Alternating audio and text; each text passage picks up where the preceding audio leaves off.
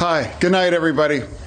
It's morning again in America. Pennsylvania. I want to say one thing to the I American make people. this For me, What the networks give a few hours ago, networks take it away. this campaign came to an end. President of the United States. Joseph Robinette Biden. will not make age an issue as this Senator, you're no campaign. Jack Kennedy. You're likable. I dream about Biden. Okay. This is a bunch of stuff. Look, here's the deal. Hei og velkommen til amerikansk politikk. Mitt navn er Are Togvold Flaten, og i dag så har jeg med meg Vebjørn Hobbesland og Sigrid Rege Gårdsvold fra Vårt Land. Hallo. Da er det nesten bare en uke igjen til eh, valgdagen. På målingene så ser det bedre ut for eh, republikanerne. 538s modeller for både Senatet og Huset er eh, bedre lesing for eh, republikanerne i det siste. Klarere favoritter til å ta tilbake flertallet i Huset, og nesten nå knepne favoritter til å ta tilbake Senatet. Demokratene er så vidt favoritter fortsatt. I dag så skal vi primært snakke om eh, Pennsylvania, en av de delstatene som kan eh, gi republikanerne flertallet. For eh, vi har et stalltips på, på amerikanskpolitikk.no som er eh, skrevet av eh, Vebjørn og Henrik. Der skriver vi da blant annet at dette er én av to Biden-delstater i 2020 som republikanerne må forsvare.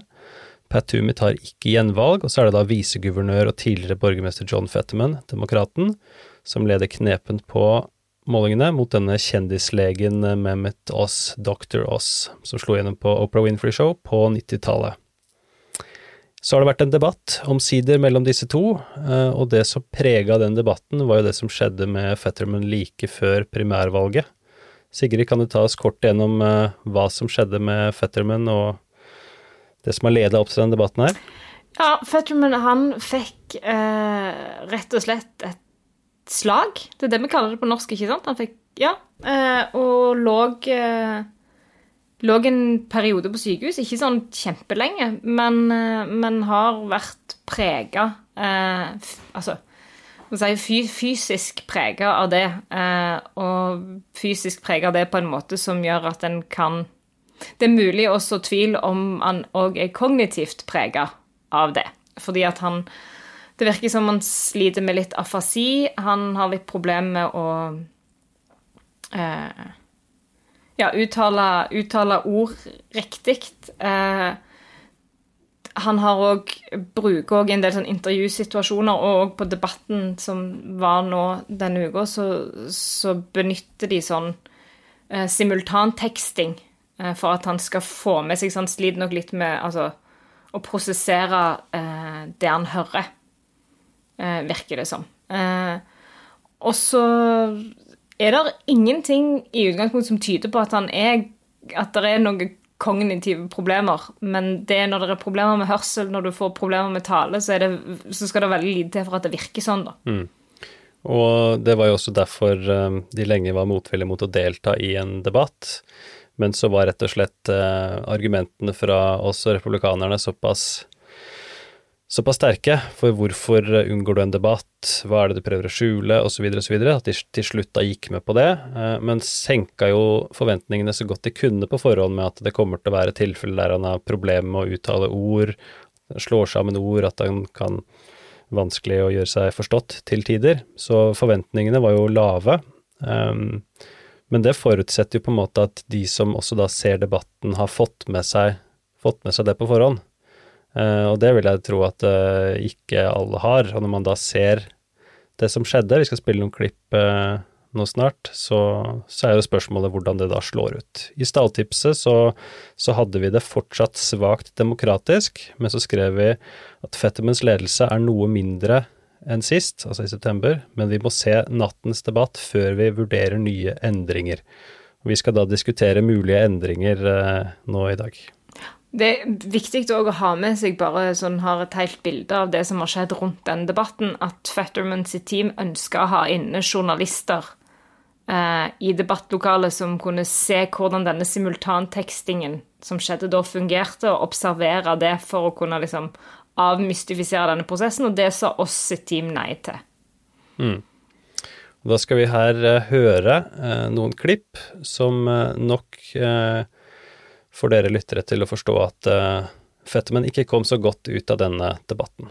Hi, good night everybody. I'm running to serve Pennsylvania. He's running to use Pennsylvania.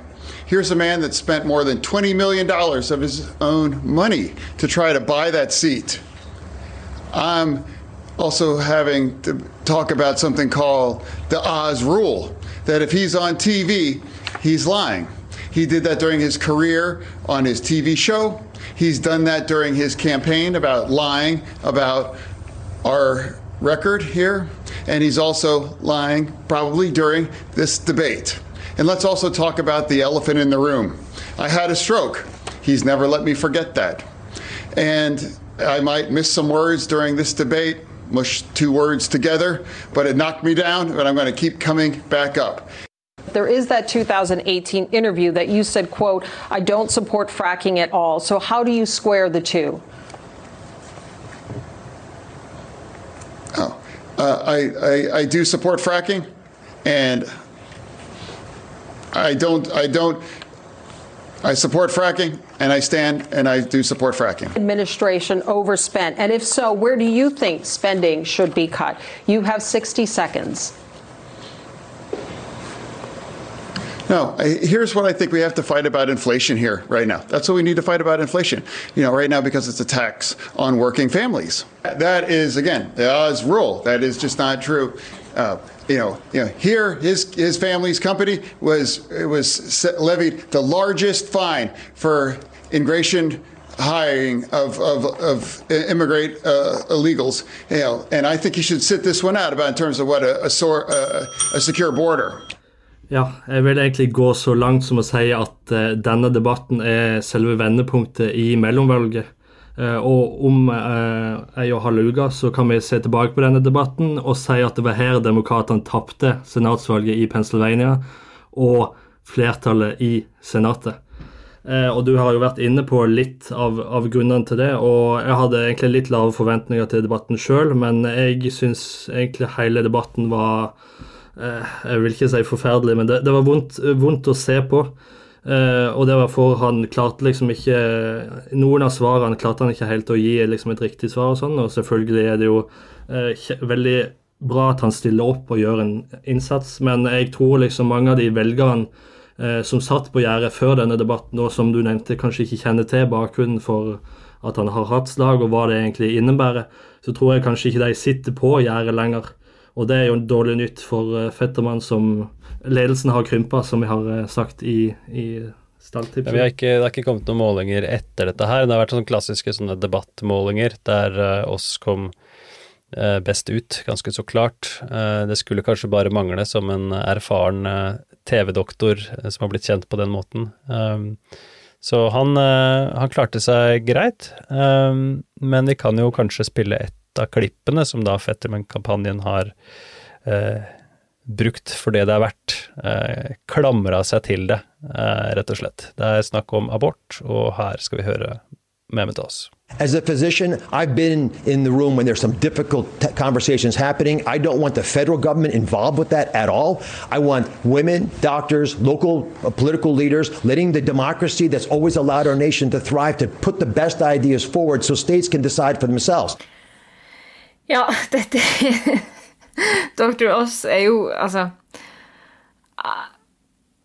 Ja, det, det, det er litt sånn Det, det blir blir Fikk, for jeg fikk faktisk litt afasi av det, av det klippet. Jeg kjente, jeg kjente, det det kom på nå.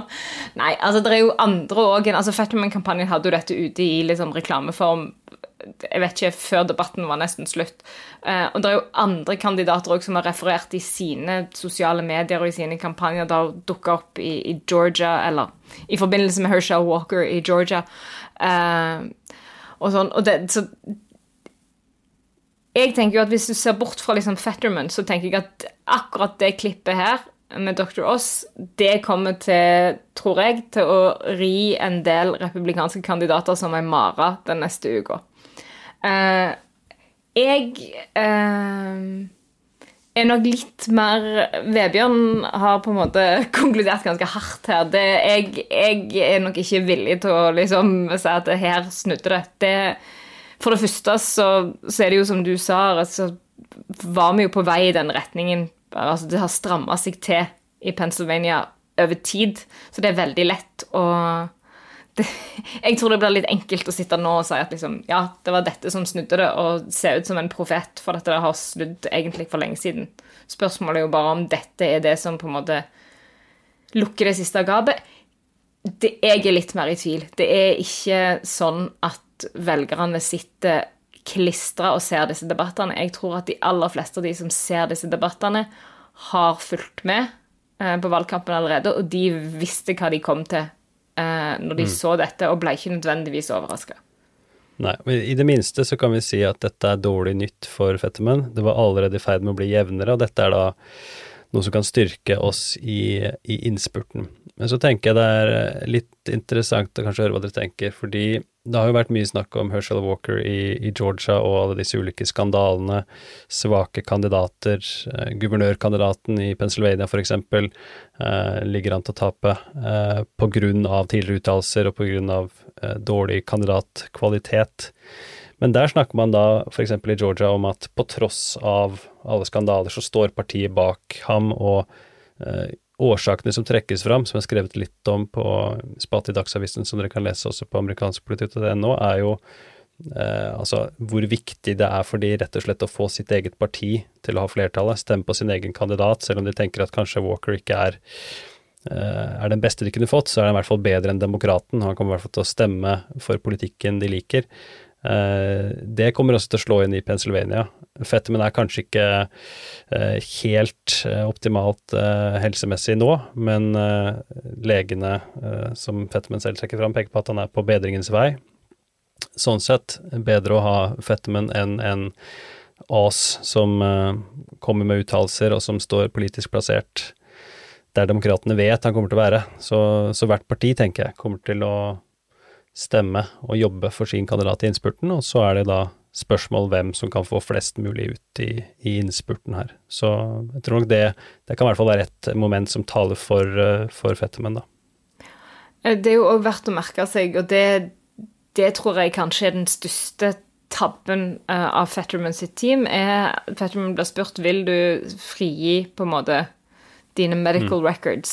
Uh, og så er han mm, Eller han sier ikke nei, men han svarer ikke på spørsmålet. Han sier jo liksom det viktigste med transparency er å stille opp, og jeg er her. Og det, det er fint og greit, det, men jeg tror at uh, velgerne i Pennsylvania ville sett mer pris på et papir der det står svart på hvitt.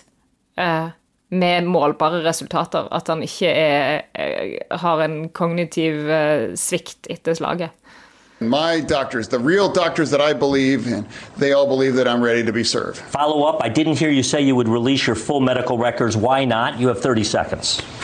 No, uh, again, my doctor L believes that I'm fit to be serving, and that's what I believe is where I'm standing. Ja, så Demokrater møter seg jo litt i døra når de har kritisert republikanere, enten det er McCain eller det er Trump for ikke å frigi nok informasjon, så, det, så her handler det da mest om å forsvare sin egen og sitt eget partis mulighet da, til å beholde flertallet. Så jeg vet ikke, Vebjørn, hva du tenker om, um, om disse argumentene. Ser du et lite lys i enden av tunnelen for, for Fetterman her, eller tenker du på en måte at her er det oss som på tross av personlig upopularitet har fått en mulighet og kommer til å ri det eller annet? Eh, altså, jeg tror eh, på oss nå, men det er jo ennå en halv uke igjen. Eh, så mye kan skje på den tid. Men jeg så at eh, mye av kampen uh, mellom de to nå står om kvinner i forstedene uh, utenfor store byer som Philadelphia og Pittsburgh. Og da er jo kanskje abortsaken nøkkelen her, da. og dette svaret til oss i, i debatten som kanskje har skremt bort en del kvinner i disse forestillingene. da. Så det er jo ennå ikke avgjort, og jeg tror kanskje at han kan hente en del stemmer der, da. i, et, nå i innspurten? Ja. Jeg, jeg, tror òg det er um, Det er veldig risikabelt, det som på en måte skjer uh, for republikanernes side nå. Det er veldig flere, både oss sjøl har jo vært uh, ute på det, og det er flere andre. Ronald McDaniel så jeg var ute og, og gjør litt sånn narr av måten som Fetterman snakker på.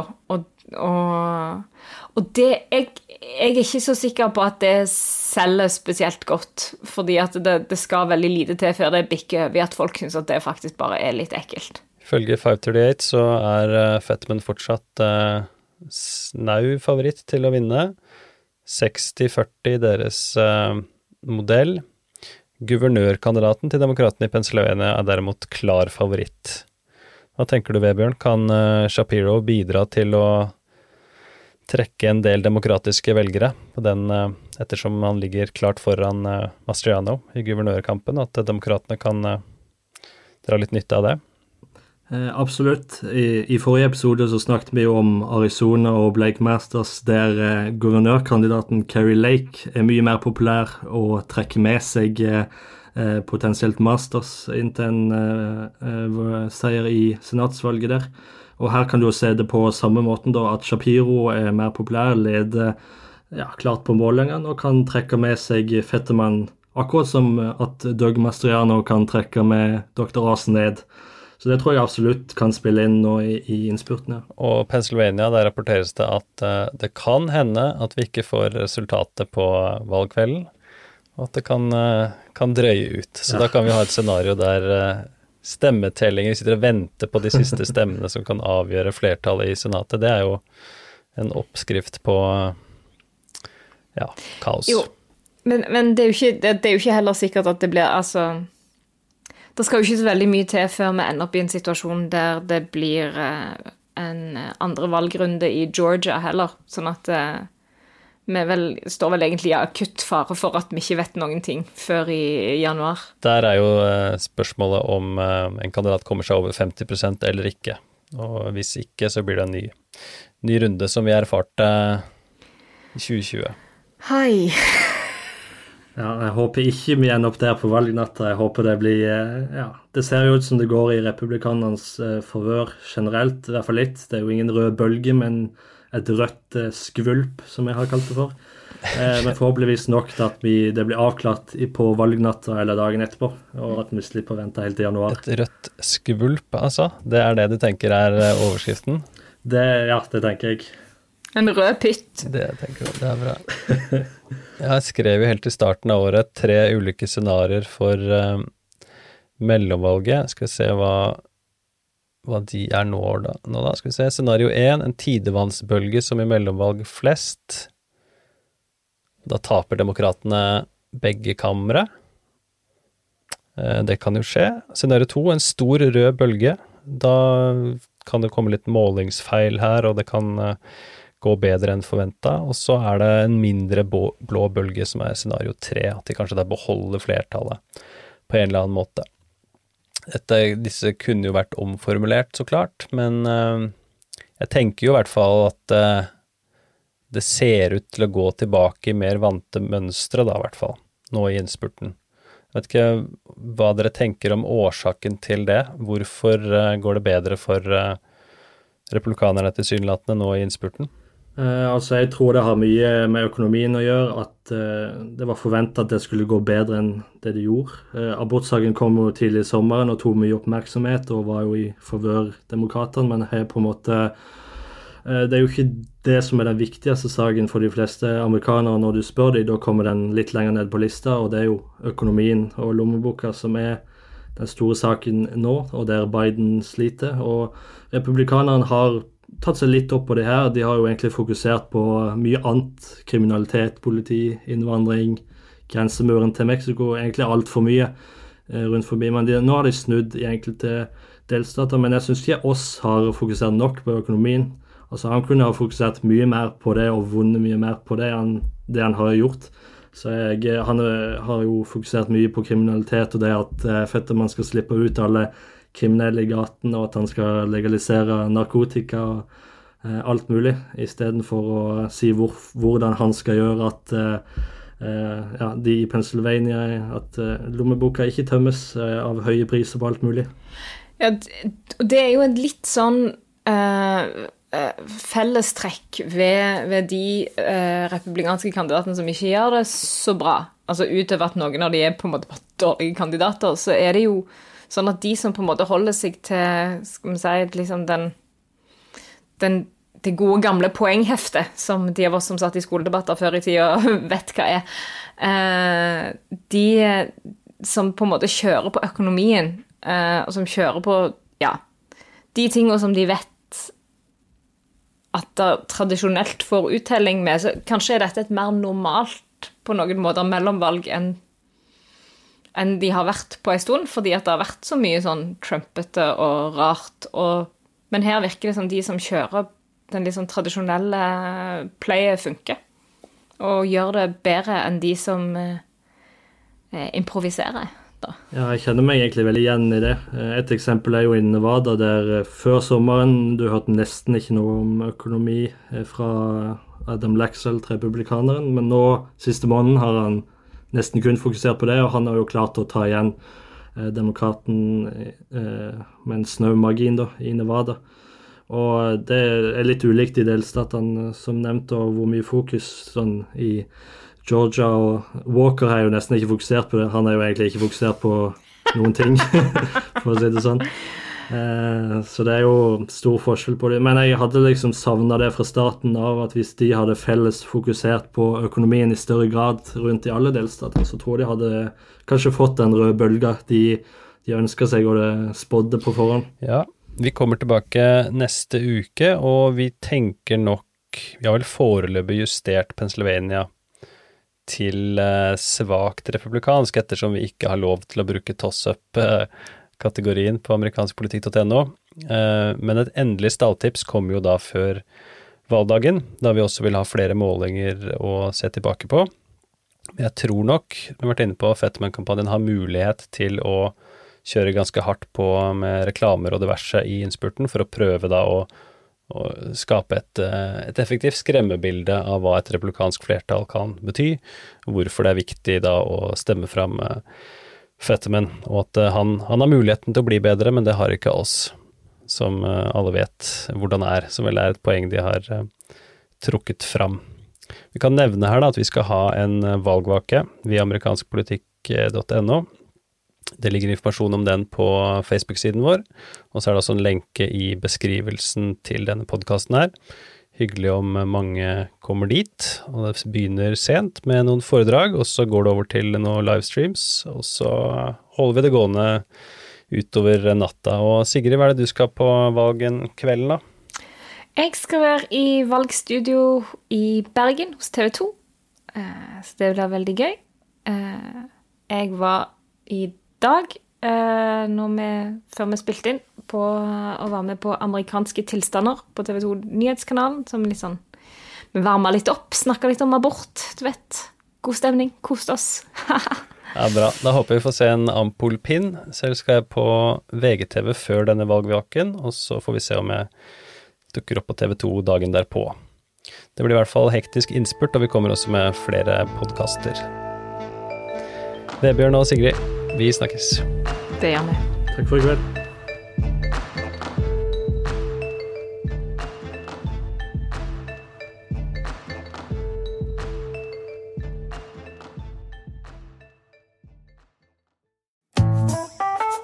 Har du et enkeltpersonforetak eller en liten bedrift? Da er du sikkert lei av å høre meg snakke om hvor enkelt det er å sende faktura med fiken. Så vi gir oss her, fordi vi liker enkelt. Fiken superenkelt regnskap. Prøv gratis på fiken.no.